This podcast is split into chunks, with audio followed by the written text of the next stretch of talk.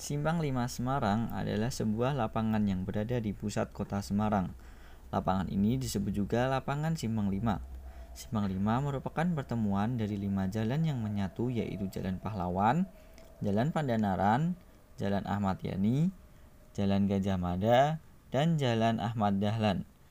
Di sekitarnya berdiri hotel-hotel berbintang dan pusat perbelanjaan, di antaranya Hotel Ciputra, Hotel Horizon, Hotel Grand Santika, Mall Ciputra, E Plaza, Plaza Simpang 5, Living Plaza, At Home Hotel, Holiday Inn Express, Warhol Apartemen, dan Condotel yang sedang dalam konstruksi.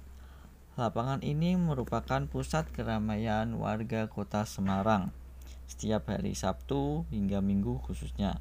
Terutama pada hari Minggu pagi, tempat ini hanya diperuntukkan bagi pejalan kaki dan bersepeda. Simpang 5 dijadikan sebagai pusat alun-alun Semarang berdasarkan atas usulan Presiden Republik Indonesia pertama yaitu Insinyur Soekarno.